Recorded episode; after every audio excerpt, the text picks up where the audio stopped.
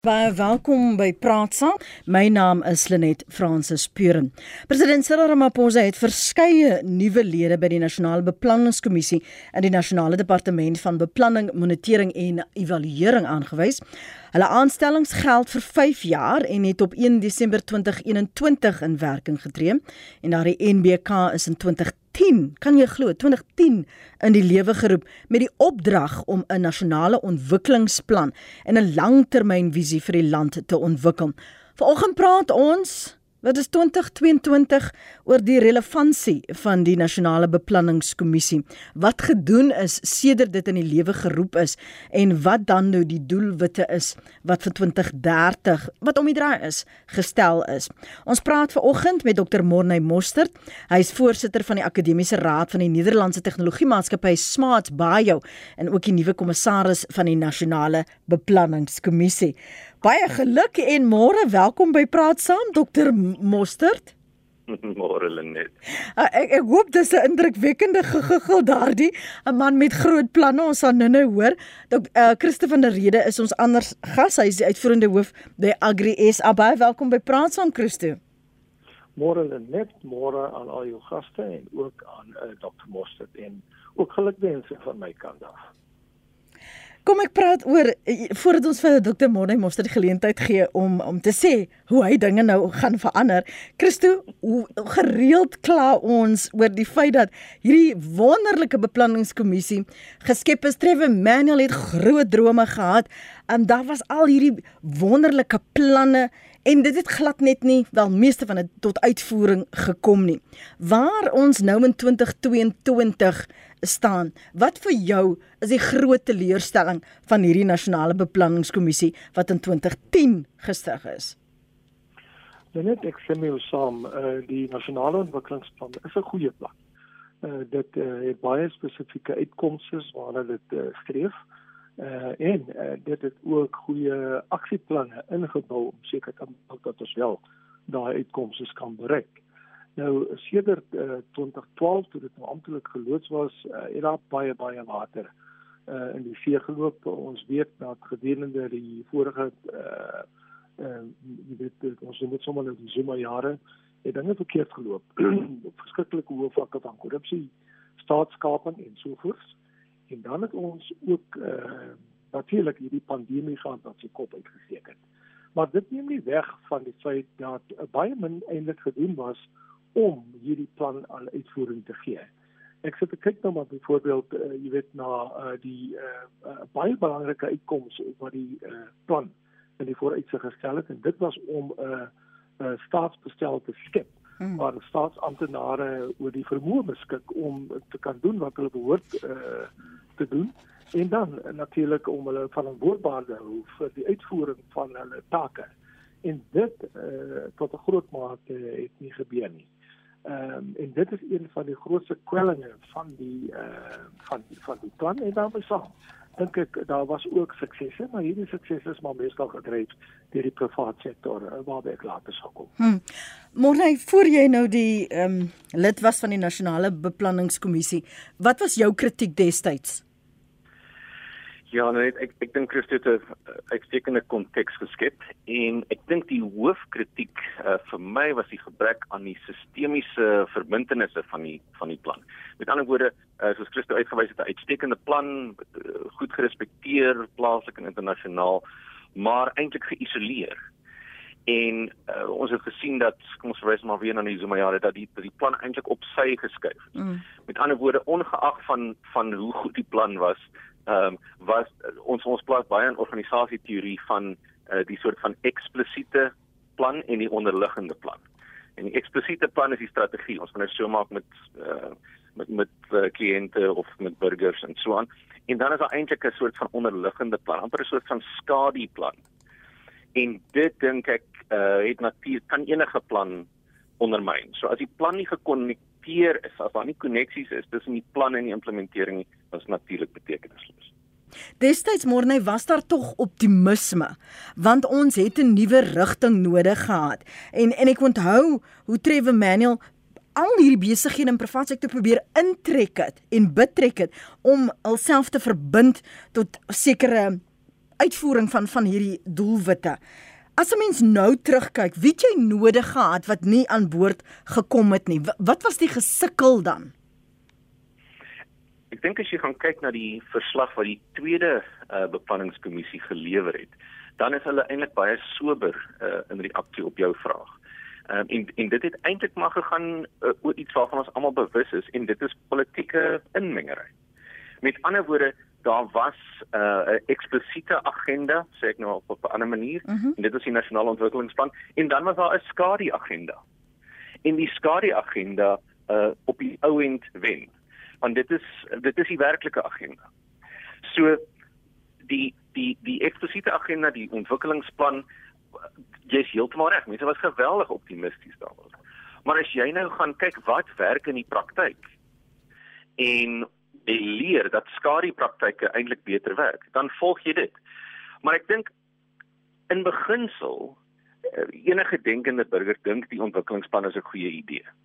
Enige iemand met die die vaagste sweempie van 'n morele ruggraat dink dit is 'n uitstekende idee. Ja. So ek dink waar ons nou is met die uh, ontwikkelingsplan en ek weet jy sal daarby uitkom, ehm um, daar daar is natuurlik nou 'n uh, 'n uh, uh, ek ek dink 'n baie ernstige poging tot hernuwing en ek dink dit gaan uh, ten minste die geleentheid bied vir deelnemers vir aandeelhouers stakeholders om mm. betrokke te raak op 'n nuwe manier.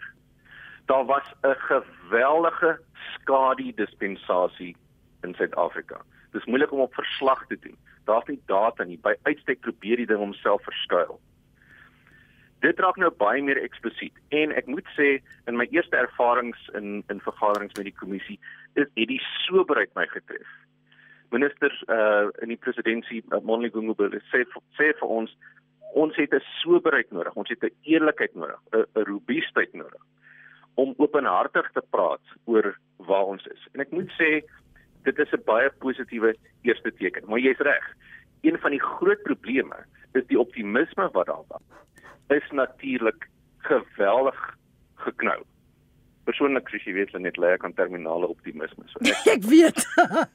Ekskuus dat ek lag. Ek, bedoel net nie om jou te beledig nie. Ah, ek wonder terwyl jy nou praat, jy jy praat van 'n soberheid en en daar's 'n behoefte en en gemak om om openhartig te praat. Ja. En jy noem dit 'n ernstige poging tot hernuwing en ek wonder vir myself Wel, hoe? Waaraan meet jy dit daar werklike ernstige poging tot hernuwing is? Wat sê hulle en sê julle vir mekaar, waar is die foute? Wat gaan julle regmaak? Wel, ehm um, die die eerste beginpunt is as jy gaan kyk na die profiel van die kommissarisse op die kommissie, dan dink ek jy kan baie geïnteresseerd wees daarin.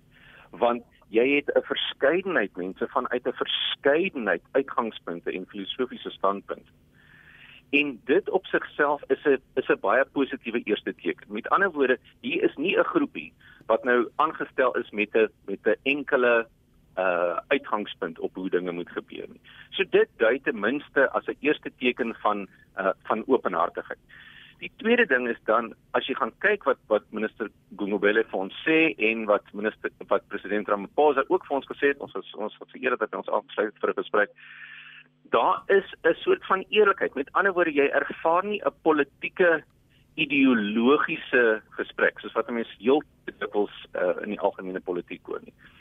En so ek dink daar is 'n 'n 'n openhartigheid en 'n en 'n 'n aanduiding simbolies ons gaan kyk hoe werk dit is op die ouend ek is vol vertroue dat ons 'n verskeidenheid perspektiewe bring en dan die derde ding wat ek sal sê is 'n pragmatisme eerder as 'n ideologiese uitgangspunt. Met ander woorde wat kan dinge maak werk eerder as net suiwer waarin glo ons? Die twee goed het natuurlik 'n verbintenis met mekaar. Mm -hmm. maar daar sou ek sê ehm um, as 'n mens die die nuwe kommissie is nou net afgestel.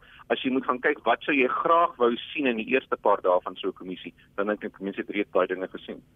Christo gaan nou vir jou geleentheid gee om te reageer want daar's 'n paar aantekeninge wat ek hier gemaak het vir opvolgvrae. Maar kom ons gaan gou na die lyne toe. Donald is op lyn 2 en hy's op Middelburg. Môre Donald. Uh, Goeiemôre Lenet.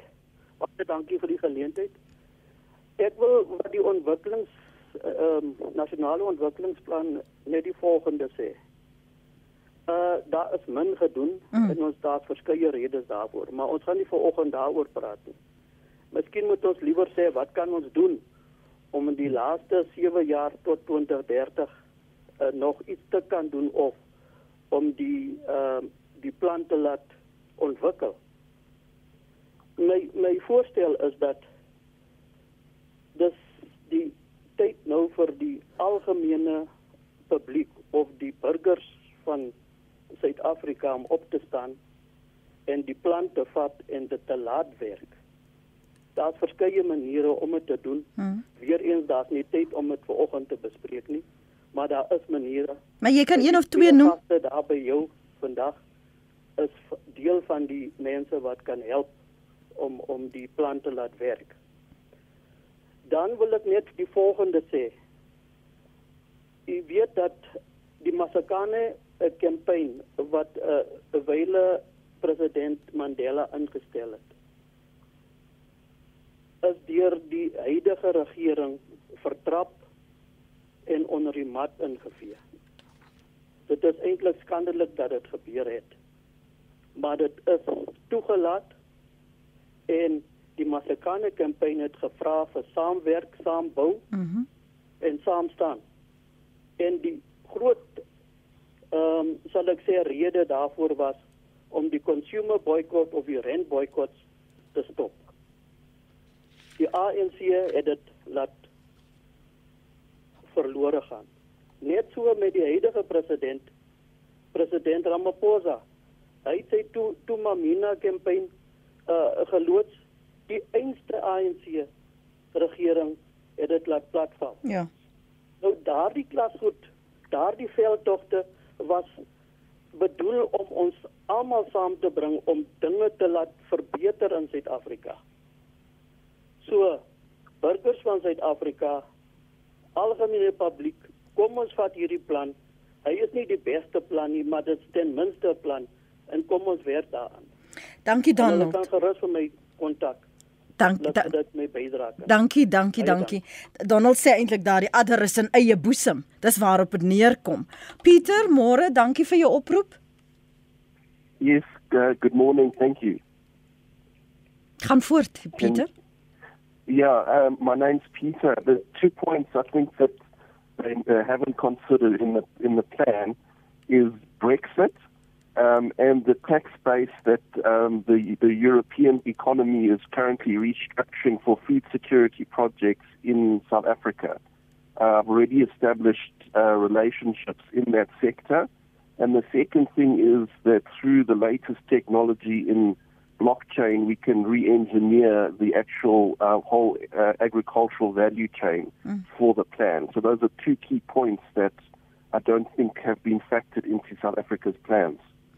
Dankie daarvoor Pieter. Ek is seker Christo kan daarop reageer en sy gedagtes deel. Ek hoor wat sê jy na aanleiding van wat Donald en Pieter sê, Christo? Weet jy as ek nou die vermoë gehad het sou ek Donald president van die land wou gemaak het net. Mm. ek dink Donald slaan die spyker op die kop. Dis een ding om voortdurend alles te kritiseer en regering te kritiseer. Maar uh, ons weet by hierdie tyd dat uh, gemeenskappe het eintlik die mag in hande. Want ons is die mense wat die stemreg moet uitbring op munisipale vlak en op regeringsvlak. En natuurlik is dit ons skuld. Ons dra by daartoe dat ons mense in posisies instem.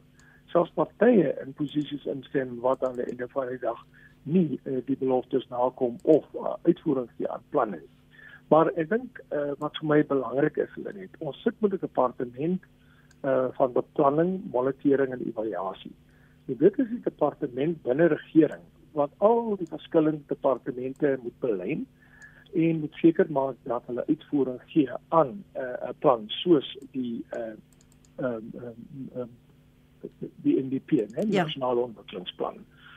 Die groot groot probleem is daar is nie beleiding nie. Daar is ook bitter min samewerking byvoorbeeld tussen 'n provinsiale regeringsdepartement en 'n nasionale regeringsdepartement. Ek wil nie eens praat van munisipaliteite wat in baie gevalle uh selfs nie eens belyn met nasionale en provinsiale mandate nie. Hmm. En dit lei dan uh, daartoe dat daar nie uitgevoer word aan uh planne soos byvoorbeeld die nasionale ontwikkelingsplan nie. Uh dit moet aangespreek word, maar ek dink dit is waar die president uh en kabinetslede 'n baie groot rol te speel het, want hulle moet aan die einde van die dag seker maak dat uh die departemente belei is, dat die amptenare hulle werk doen en dat die amptenare die ehm uh, privaatheid tot betrek. Maar ek dink die groot probleem net is dat uh regeringsamptenare is in baie uh, opsigte polities besoedel. In ander woorde, hulle dra hulle eie ideologiese ja. beskouinge en hulle eie ideologiese denke dra hulle in in 'n bepaalde departement. Nou uh, 'n mooi woord wat ons in die publieke administrasie gebruik, ons praat van tegnokrate. 'n Tegnokraat is is veronderstel om homself om homself los te maak van hulle eie politieke voordele en vooroordele en hulle politieke alliansie en hulle is veronderstel om uitvoering te gee aan die taak voorhande. Uh gaan kyk maar na die Britse uh jy weet regeringsstrukture en selfs Europese is op Europese Europese regeringsstrukture. Daar mense uh maak hulle self los van die politiek van die dag en hulle fokus op dienslewering. Ongelukkig sit ons in Suid-Afrika met 'n situasie waar baie van ons regeringsamptenare polities besoedel is en hulle het nie die vermoë om te kan onderskei tussen hulle die dag daaglikse taak waarna hulle moet uitvoering gee en natuurlik die breër politieke omgewing waarin hulle self bevind. Jy het net om verwys na die agendas, die skadu um, agendas wat bestaan het. Ek wil ek wil net gou vir jou terugneem na van die punte wat Donald en en Pieter uh, gemaak het dat dit gaan net werk môre as ons almal saam staan. Hoe oortuig is jy dat persoonlike politieke inmengery 'n ding van die verlede is? Ek dink uh om baie eerlik te wees, ek dink dit gaan 'n tydjie vat. Ehm um, ek ek dink die ehm um, die politieke inmengery se uh, sistemiese gevolge lê baie diep in die stelsels. Mm en ek dink ehm um, daar gaan aktiewe harde werk gebeur uh, om iets daaraan te doen. I mean sou kon argumenteer in 'n land soos Suid-Afrika is dit eintlik onverwendbaar ons gaan uh, ons gaan eintlik nog baie maklik vir die volgende 10 of 20 jaar diep ideologiese verskille hê en mense kan natuurlik sien selfs in sogenaamde uh, eerste wêreldlande is, is daar ook ideologiese verskille. Die ideologiese verskille op sigself ehm um, is nie noodwendig dink ek die probleem nie. Ek dink dit is deel van die soort van uh aard van Suid-Afrika dat mense verskeidenheid perspektiewe sou kry. Maar ek dink die tegnokrasie waarna Christus verwys is is die mees effektiewe manier om daarvan ontslae te raak en dit beteken 'n professionalisering van die staat en regering. En dit beteken uh onder andere jy weet hoe ehm um, hoe mense performance meet meet jy dit byvoorbeeld aan lojaliteit of meet jy dit aan uitsette? As ek nou so so mag vir eenvoudig. Mhm. Mm um, en in die verlede was lojaliteit 'n baie groter maatstaf as uitsette. Terwyl ek dink die die soort van nuwe pragmatisme wat ons nou begin bespeer is ten minste soos ek sê 'n indikasie dat ons beweeg na 'n ander manier uh van meting En ek dink ehm um, as jy mens gaan kyk na uh, die die soort van doelwitte van die uh, van die ontwikkelingsplan, dan vereis dit natuurlik soos almal baie goed weet, ehm uh, implementering eerder as ehm uh, ideologiese oriëntasie. En ek dink waar die ding vandaan gekom het as jy gaan dink aan die tyd van 2010. Dink byvoorbeeld aan ehm um, aan Mbeki uh man wat wat alreeds beskou is as iemand wat nie 'n verbintenis het met die mense op grondvlak nie. Uh, jy weet 'n intellektuele mens. Ehm um, en jy dink dan aan ehm um, aan aan die teenpool wat toe ingestem het, soortgelyk wat in Amerika gebeur het. Dit is nou 'n man van die mense kry, so het ons gedink. Ehm um, in president Zuma. Ehm um, en daar het jy het jy so 'n enorme ideologiese skeiding gekry dat ideologiese saam samesyn was 'n baie groter maatstaf as uitsette lewer. En ek dink 'n nuwe pragmatisme is besig om dit te begin verander. Jy luister na Praat Saam, weekoggende 8 tot 9. Môre hulle net 'n gaste. Die werk die werklikheid is in vandag se situasie in ons land is jy kan nie onbevoegde kaders in plek hê om 'n meesterplan uit te voer nie. Maak nie saak hoe goed daai planne mekaar gesit is nie, maak nie saak hoe goed die bedoelings van daai plan is nie. Solank jy oneffektiewe, korrupte kaders in 'n stelsel het wat hulle self beskerm en hulle self verryk, gaan hierdie plan nooit suksesvol wees nie. En ek sê nooit vir die volgende 50 jaar nooit. Want die ANC kyk na die ANC, Cyril kyk na die ANC. Hierdie plan is net 'n pipe dream soos hulle sê. Môre net Lisa van Pretoria. Jy weet wat is so lagwekkend, né? Die ANC het al hierdie dinge vooruitbeplanning tot 2030. Wat eintlik, jy kan dit nie so doen nie. Niemand kan vooruitbeplanning doen nie want niemand weet wat die dag van môre inhou nie. Hulle het nou al hierdie goed wat hulle beplan. Wie sê hulle gaan inkom met die volgende verkiesing? Ehm um, ek weet nie. Suid-Afrika is 'n failed state onder die ANC. Jy kan oralste om jou rond kyk. Dan gaan jy sien hulle het gefaal in wat hulle wou doen. So die beplanning tot 2030 toe sou ek sê moet hulle eers uitstel hoor. Baie dankie. Goeiemôre RSG, dis Hannes Soneke wat praat. Die ANC het het baie mooi planne. Hulle droom van mega cities en hulle droom van hierdie snaakse planne om om werk te skep, maar hulle kom nooit tot die uitvoering daarvan nie. So ek weet nie, hulle kort so 'n bietjie 'n boost van agteraf. Die ander partye moet hulle so 'n bietjie boost dat hulle al hulle planne bietjie agter mekaar kry. Baie dankie, groetnis daarsoor. Christo, jy kan hoor, die mense is skepties. It's a pipe dream soos die een luisteraar dit noem. Inderdaad, Lenet en ek is die laaste wat enig een gaan blameer vir uh uh jy weet vir die feit dat hulle heeltemal vertroue verloor het in die ANC. Hulle het ook vertroue verloor in die staatsperseel. Uh maar uh ek is ook soos uh, Morney maar die ewige optimis. Uh want uh, ek staan vierkantig in landbou. Landbou bly maar 'n uh, omgewing van hoop. Jy staan in die oggend op, uh, jy wil beplan om uh, mielies te plant en dan hoop jy maar op die beste. En nou so het gesien die afgelope tyd het ons verskriklike droogtes in sekere gebiede gehad en toe kom die vloede. Nou Suid-Afrika is maar 'n land van ekstremes en uh, hierdie vloede het nou weer 'n bietjie skade veroorsaak. Maar terselfdertyd het boere in ander gebiede die geleentheid aangegryp en hulle geplant dat die bietjie spewe. So ons gaan uh, nie met tekort aan kos het nie, ons gaan ook nie met tekort aan mielies het nie. Maar ja, daar het 'n bietjie skade was is so. Maar dit is waar uh, georganiseerde landbou so strukture moet hulp bied. En dit is eintlik waaroor dit moet gaan. Ek dink ons moet baie meer georganiseerd raak in die land van 'n voedselvlak.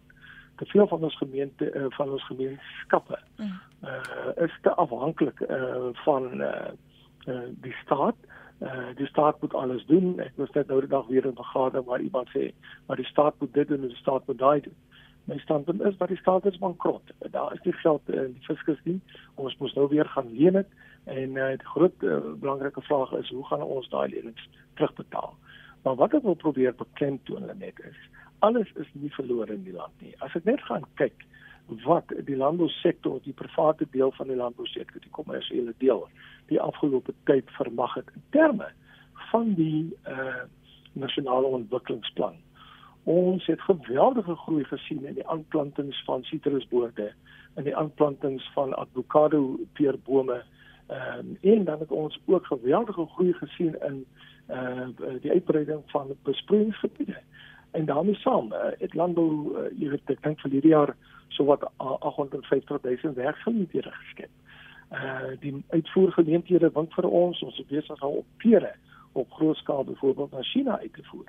Die groot probleem bly natuurlik eh uh, die hawens as ook die paaie. Nou ons gesprekke met die presidentsie as ook gesprekke met die minister is daar 'n redelike ehm um, uh, toewyding van hulle kant af om van die goed te privatiseer. En ons sê kom ons gaan kyk na die privatisering van sekere van die hawe terminale waar die private sektor dit oorneem sodat ons ons goedere vinniger kan uitkry na die buiteland toe. Ehm um, ons het ook gesê kom ons gaan kyk hoe ons sekere uh, sy uh, spoorlyne kan privatiseer uh, en dan uh, gee die uh, private sektor of die uh, landbou uh, sektor 'n groot geleentheid om byvoorbeeld jou uh paaie, veral landelike paaie te help herstel. Want die staat en die provinsies het te geld om altyd daai uh gryspaaie te onderhou nie. So dit is die tipe van bydrae wat ons lewer op 'n nasionale vlak en dan besaam, uh, jy weet, help ons ook bou aan die kapasiteit van 'n nuwe ehm um, geslag swart boere. Mm. Nou daar is fundamentele kwessies wat ons moet aanspreek. Soos byvoorbeeld, gee vir elke ou titel akte op sy stukkie grond of gee vir daai persoon uh, net sekerheid, verblyfsekerheid en gebruikssekerheid op 'n sekere stukkie grond. Uh en een van die goed in die nasionale plan, jammer dat ek nou so 'n bietjie van 'n draai loop, maar een van die goed in die nasionale plan sê dat ons moet mense in kommunale gebiede, dis nou jou ou tuislande, ons moet daai mense verblyfsekerheid gee. En ons moet hulle in staat stel om daai grond te kan ontsluit vir kommersiële doeleindes want in baie van daai gebiede is daar groot sulke onbenutte grond. Ja. Ons moet ook na ons waterinfrastruktuur gaan kyk sodat mense toegang het tot water op 'n gereelde grondslag. Ongelukkig is ons nog nie net ons nog nie daai goed aan aandag gegee nie. En dis natuurlik die groot geveg. Ons nie die groot geveg nie, maar dit is gesprekke waarby ons betrokke is om die staat te oortuig om dan die uitkomste van die nasionale ontwikkelingsplan te begin hmm. implementeer. Dis nou duidelik dat die landbou 'n prioriteit is vir jou. Wat, wat anders moet ehm um, hierdie komitee van kennis neem wat wat jy voel want ons het so baie uitdagings maar as Christo nou 'n uh, audiensie het met uh, Morne en al die ander op die komitee waarom moet hulle vir jou aandag gee Christo behalwe nou landbou Ek dink onderwys net ons uh, onderwys het baie baie skade opgedoen verlede jaar ehm um, en en nog steeds. Mm. Uh die kinders moet skool toe kom. Die onderwysers moet by die skole wees uh en uh want want ons kan nie voortgaan op die trant nie. Ons is besig om 'n nuwe verlore generasie te vestig. Uh dis die, en en dan gesondheid. Ons gesondheidsdienste is ook nie op 'n pyl waar dit moet wees nie en daar moet ook 'n nasionale ingreep kom. En dan laaste maar die minste die sekuriteit. Ons mense voel onveilig. Net ons moet 'n plan maak om veiligheid te prioritiseer uh, en natuurlik die ekonomie. So vier goed vir my: onderwys, gesondheid, veiligheid en die ekonomie. As ons net daai vier goed kan uh, in plek sit vir nou, dan sal ons alreeds die land na 'n uh, beter vlak toe neem. Maar nou ons het ons het dan baie hier op praat saam gepraat oor hierdie sogenaamde trust deficit, die die hmm. wantroue wat daar bestaan en dat dit so baie in lank gaan vat om net weer die vertroue in verskillende kommissies te herstel uh, beplanningskommissies en veral die nasionale beplanningskommissie. Het julle visie? Julle is nou aangestel vir 5 jaar, dit is in 2021. Um is is jy nou deel van daardie 5 jaar lange groep? Het die visie verander? Gaan die prioriteite aangepas word en gegee vir die feit dat ons het doel vir dit vir 2030, hoe haalbaar is dit om nou te wil begin 'n wiel aandraai? Ja, ek ek dink dit is dit is groot vraag. Eers 'n praktiese reaksie. Ek dink dit is duidelik onder my mede mede-kommissarisse dat ehm um, dat mense krities bewus van hierdie probleme. Ehm um, en dat daar is 'n soort van dringendheid is uh, om 'n alternatiewe koers in te slaan. Miskien kan ek net gou vinnig 'n een trappie teruggaan want ek dink jou vraag het, het te maak met iets wat wat 'n inbeller ook gesê het. Ja. Ehm um, en en dit was al kritiek oor die oor beplanning self miskien kan ek net gou vinnig 'n uh, 'n topie terug gaan hier op minuut 39 van ons show. Uh maar tyd is nie altyd lineêr nie, nee. Mm. So die hoekom het 'n mens hierdie tipe plan in die eerste plek? Wat probeer jy nou eintlik regkry? En met die ehm um, met die uh, nasionale beplanningskommissie is is die die eerste beginsel daar is 'n langtermyn perspektief. Met ander woorde die nasionale beplanningskommissie is nie 'n projekspan of 'n implementeringsspan of 'n operasionaliseringsspan nie. Kom ons maak dit net eers verduidelik. So dit gaan oor die langtermyn traject van die land. Nou hoekom is dit belangrik? Want 'n land het eintlik 'n langtermyn uh uitkyk wat langer is as amper enige iets anders waarna mens kan dink behalwe die natuur. Met ander woorde, ons verwagting oor 500 jaar van Suid-Afrika nog steeds bestaan. So dit is uiters belangrik om 'n langtermynperspektief te kry. Maar dan wat die sistemiese koneksies betref wat ek voorgenoem het, dit is sinneloos om 'n langtermynvisie en beplanning te doen sonder om dit te integreer met medium, korter en onmiddellike termyn strukture en praktyke. Anders is die ding ons nou net heeltemal uh verwyder van die realiteit. So kom ons verbeel ons vir 'n oomblik daar was nie 'n plan nie Wel, dan het ons nou net eenvoudig 'n ad hoc 'n random reaksie op dinge van die dag. So ons moet 'n plan van een of ander vorm hê. Maar daai plan, langtermyn soos wat hy is in die geval van die nasionale beplanningskommissie, moet homself integreer, soos ek sê, met korter termyn planne en dan ook met strukture. Ja. Anders word die ding nie uh, uitgevoer nie. En daarmee met daai lang storie net sluit ek aan by jou vertroue vraag. Die sogenaamde trust deficit. Want as die ding nie geïntegreer is met die strukture nie, dan sien jy net eenvoudig nie die vertroue nie. As jy gaan kyk byvoorbeeld na navorsing deur Rose, uh, Norton Rose Fulbright. Hulle het gaan kyk na Transparency International en korrupsie, mm. weet ons is is 'n groot gevaar vir die toekoms van Suid-Afrika. So wat sê hulle? Hulle sê jy moet die regering self verbeter. Nou as jy gaan kyk na die nasionale beplanningskommissie, dan sê die minister ons wil 'n vaardige, 'n bekwaamde staat ontwikkel en natuurlik 'n bekwame burgery. Dit sluit aan by kritiese waarneming oor die onderwys. En en dit sluit natuurlik aan by by dienslewering en dis meer. Dan sê hulle as ek net gevinnig van die ander kan noem net. Ehm um, baie belangrik dat jy werk aan die nasionale reputasie. Mm. Dit is 'n interessante een, hè. En dit het te doen met jou interne reputasie, maar ook geweldig belangrik met jou internasionale reputasie.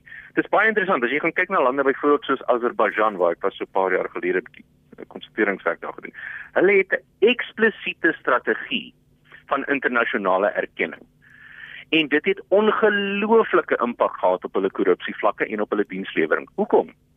Want skielik is die internasionale oë op wat jy doen. Met ander woorde, jy verdedig nie meer jou disfunksionele gedrag op grond van die feit dat jy nou een of ander uitsondering kies. In Suid-Afrika dink ons altyd ons is 'n uitsondering. Maar as jy dink aan Azerbaijan byvoorbeeld, jy weet hulle kom uit die Sowjetunie uit. Daar is ongelooflike korrupsie en politiekery. Hoe gaan die ding ooit werk? En hulle besluit op 'n op 'n strategie van internasionale reputasie. Ek dink dit is baie interessant. Dan moet jy demokrasie natuurlik versterk. Ehm um, en dit beteken ons moet ons moet stem. Uh jy, jy wil natuurlik ehm um, dinge soos rekeninge bloot lê. Jy wil soveel uh, transparency as moontlik. En en dan is dit so natuurlik die ou die ou usual suspect van van ekonomiese ontwikkeling. Ehm um, maar jy wil ook internasionaal kompeterend wees. Uh jy wil veilig wees ehm um, en dan wil jy jouself ook verantwoordelik hou aan uh, aan internasionale standaarde. Ehm um, so ek dink as 'n mens as 'n mens na die die breër groter ehm uh, prentjie kyk dan sê mens jy moet langtermynbewustheid hê en jy moet dit koppel die hele tyd aan as ons aangaan soos wat ons nou aangaan. Wat beteken dit vir ons langtermyn eh, volhoubaarheid? En dit is 'n vraag wat baie min gevra is in die laaste 10 jaar. Behalwe deur mense wat nou wil emigreer en so. Ja, ja, ja. Maar dit is baie min gevra deur die regering byvoorbeeld, want daar is altyd 'n soort van weeklikse verdediging van hoekom hierdie week se aksie regverdigbaar is. So dit sou ek sê is baie belangrik langtermyn en dan internasionale verantwoordbaarheid want dit sit die vergrootglas op wat jy doen. Maar wanneer jy hulle nou weer 'n audiensie met die president het van hy loer mos so so in, sê jy en hooplik ja. is daar nog nie politieke inmengery nie, dan hmm. moet dit kom eintlik daarop neer dat om geloofwaardigheid te herstel. As jy 'n ding sê, dan moet jy dit doen. Hulle moet op dieselfde manier met mekaar praat. Jy kan nie net vir die ANC probeer gelukkig hou en dan warra warra jy hier aan die ander kant vir die burgers en dink ons is te dom om ons eie berekeninge te doen nie. As jy dink sê, wees konsekwent sodat ons jou kan glo. As jy sê daar's oortollige staatsamptenare wat net daar sit om te louf, doen iets omtrent dit. As jy sê jy gaan dit doen, dan moet jy dit doen. Anders gaan ons jou nie glo nie. Hier is van ons luisteraars se menings. Goeiemôre Lenet en jou gaste en veral Morney, baie geluk met die aanstelling. Uh ek is baie bly om te hoor dat jy sê daar 'n uh, meer sober pragmatisme te bespeer is. Dit is hoogs te verwelkom. Uh wat my egter bekommer van die hele ontwikkeling is dat as daar nie geloof of oortuiging by die leierskap is nie, gaan hierdie planne soos menige vorige planne doodloop of onder die mat ingevee word. En met leierskap bedoel ek hierso vir al die politici en die direkteur-generaals van staatsdepartemente. My grootste beklemming lê egter by die gebrek aan bekwaamheid. En met bekwaamheid bedoel ek kennis, vaardighede, waardes, houdings en ervaring. Ek dink dit is deel van waar selfs die beste plan kan platval of onder 'n mat ingevee word. My verdere bekommernis is dat dit weer eens 'n stryd gaan wees tussen ideologie versus pragmatisme. Ek hoop regtig waar dat pragmatisme gaan seëvier. En dan laastens, ek dink kontinuïteit van leierskap wat die groei en ontwikkeling van Suid-Afrika wil bevorder, bo selfverryking en magsig krities gaan wees vir die sukses van enige plan wat op die tafel gesit word. Maar baie sterkte Morney en ek hoop dit gaan baie goed vorentoe. Johan Marx Unisa. Goeiemôre, dis Pieter wat praat. Ek wil weet of die paneel daar vir ons kan sê uh wat se suksesse hulle daar gehad het uh met die beplanning uh van dit al bestaan. Want uh sover dit my aangaan klink dit vir my net net nog ek nog 'n kletsgroep. En uh tweedens is uh hoe kontak mense die paneel? Hoe uh interaksie met die mense? Want uh daar is soveel fantastiese slim en uh uitstekende Suid-Afrikaners met wonderlike planne en sulke goeie visie vir die land. Maar niemand weet hoe om die mense te kontak nie en ek het al geprobeer, maar jy kry net daar's geen reaksie nie. So mense weet nie uh of hulle is of hulle bestaan nie. Uh baie dankie Pieter wat praat. Nee, wat Lenet, wie kan na soveel jaar se beloftes waarvan niks kom nie, halfpad doodloop as hulle miskien daarmee begin, wie kan dit nog glo? Die tyd het uitgeloop vir glo in die regering. Dankie. Lenet en jou gaste, eh, Fred hierso. Uh, ek wil net sê die probleem begin dat eh, die uh, politieke party van die president totaal vertroue eh, in hom verloor. Nou hoe verwag hy nog verder dat die breë bevolking vertroue in enige planne van hom sal hê? En daar is soveel krake in die land van beleggersvertroue tot werkskepping tot uh, sekuriteit, veiligheid en dis meer wat met herstel word om enige plan, enige plan te implementeer op watter basis kan jy dit doen is die grondslag vir die land in beginsel nie reg is nie. So ja, om 'n nuwe plan te implementeer sal net dit sal meer vat as om net te praat. Dit klink vir my Christo asof uh, Pieter insinueer dat hierdie groepie hulle eie WhatsApp groepie het wat hulle waarskynlik het. nou wat ek aantal het waarskynlik. Uh, maar as jy dan nou uh, teen jou slot kommentaar met ons moet deel oor die pad vorentoe en wat jy werklik optimisties oor is en wat bereik is waarop hulle kan voortbou Christo. Wat sou dit wees wat jy wil uitsonder?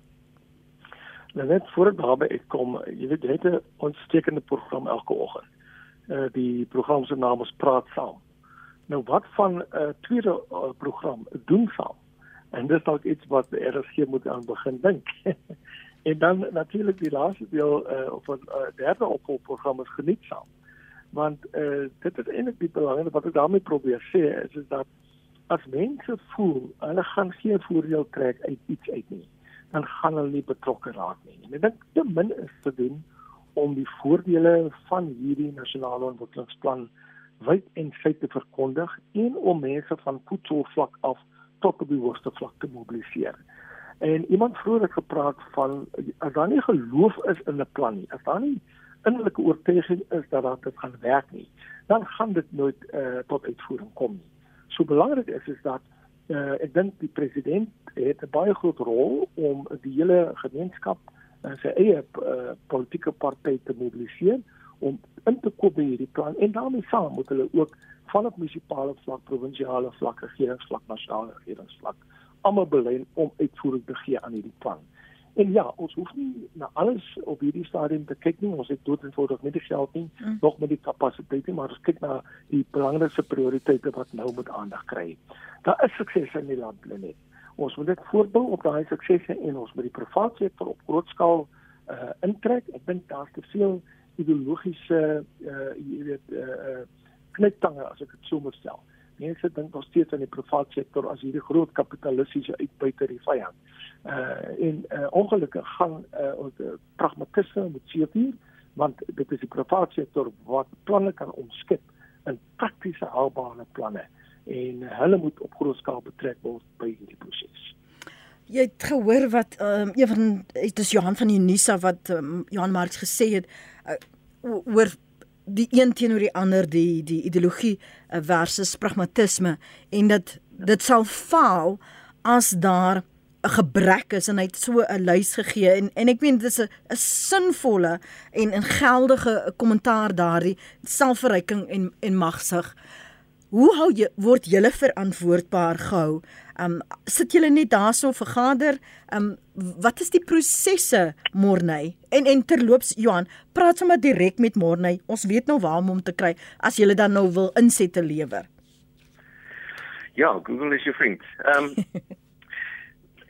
ja, net natuurlik is dit geweldig kompleks. Ek meen ons praat oor die totale kompleksiteit van iets soos 'n land. Mm. So drie drie maklike stappies gaan nou nie die antwoord gee nie. Ehm um, dink die die die werklikheid is dat daar is 'n uh, 'n proses onderweg om wel ehm um, lede van die ehm um, van die kommissie verantwoordelik hou, maar natuurlik wil ek net herhaal, dit moet geïntegreer wees met van die ander dinge wat gebeur. Die presidensiële advieskomitee, ekonomiese uh, raadgewers, ehm um, en baie ander planne insluitende jaarlikse strategieplanne en dis meer. Maar dan wil ek net hiermee afsluit net dat daar is ons het nie eintlik die opsie om te sê ons kan nie 'n plan bekostig nie. Wat ons nie kan bekostig nie is om nie meer te glo in 'n plan nie. Want dan het ons nou eintlik besluit dit is klaar verby daar is sade van hoop wat bestaan in ons samelewing as jy net so 'n bietjie aandag skenk sal jy hulle sien. Ek noem vinnig 'n paar. Ons het 'n geweldige aktiewe burgery. Kyk wat onlangs in ons verkiesingsstelsel gebeur het met nuwe politieke partye en jy kan meer nuwe politieke partye verwag soos ons beweeg na 2024. Ons het mediavryheid. Dis 'n ding wat beskerm word in ons uh, grondwet sodat ons ver oggend net hierdie gesprek met jou kan hê wat ons in baie ander lande nie eenvoudig nie kan hê nie. Ons het 'n onafhanklike regbank ten spyte van die dreigemente op die regbank. Bly hulle onafhanklik. Ons het akademiese vryheid in ons grondwet een van die baie min lande op aarde wat dit het. Dit beteken ons kan enige iets wetenskaplik natuurlik met etiek gaan ondersoek en ons bevindinge kommunikeer. Ons het gesofistikeerde sektore in die land, insluitende die landbou wat toevallig baie meer mense in werk neem as wat dit uh, uitmaak as 'n persentasie van die ekonomie en ons het 'n ontleikende internasionale bewustheid, 'n internasionaliseringsparadigma. Daar is tekens van hoop en ons enigste opsie is om 'n werkbare plan te ontwikkel. Hoor jy? Dankie, dankie, dankie Morney Dr. Morney Mostert, voorsitter van die Akademiese Raad van die Nederlandse Tegnologie Maatskappy Smart Bio. Hy's ook 'n nuwe kommissaris by die Nasionale Beplanningskommissie en het vanoggend uit daardie perspektief ook saamgesels. En ek hoop regtig dat dit 'n uh, ervaring gewees waar jy nooit sal terughou nie, um, want daar daar's baie belange wat gedien word op hierdie komitees, maar ons maak staat op jou om die stem te wees van nugterheid en soberheid waarvan jy so praat. Um, en jy kan mag aanhou luister na saam. Uh, ons sal gedurig vir die president sê wat ons dink hy behoort te doen op waarop hy moet fokus. Hoor man, dankie vir jou tyd. Christo van der Rede is ons ander gas vanoggend. Hy's uitvoerende hoof by Agri SA. Soos altyd, dankie vir jou tyd en beskikbaarheid hier op Praat saam Christo.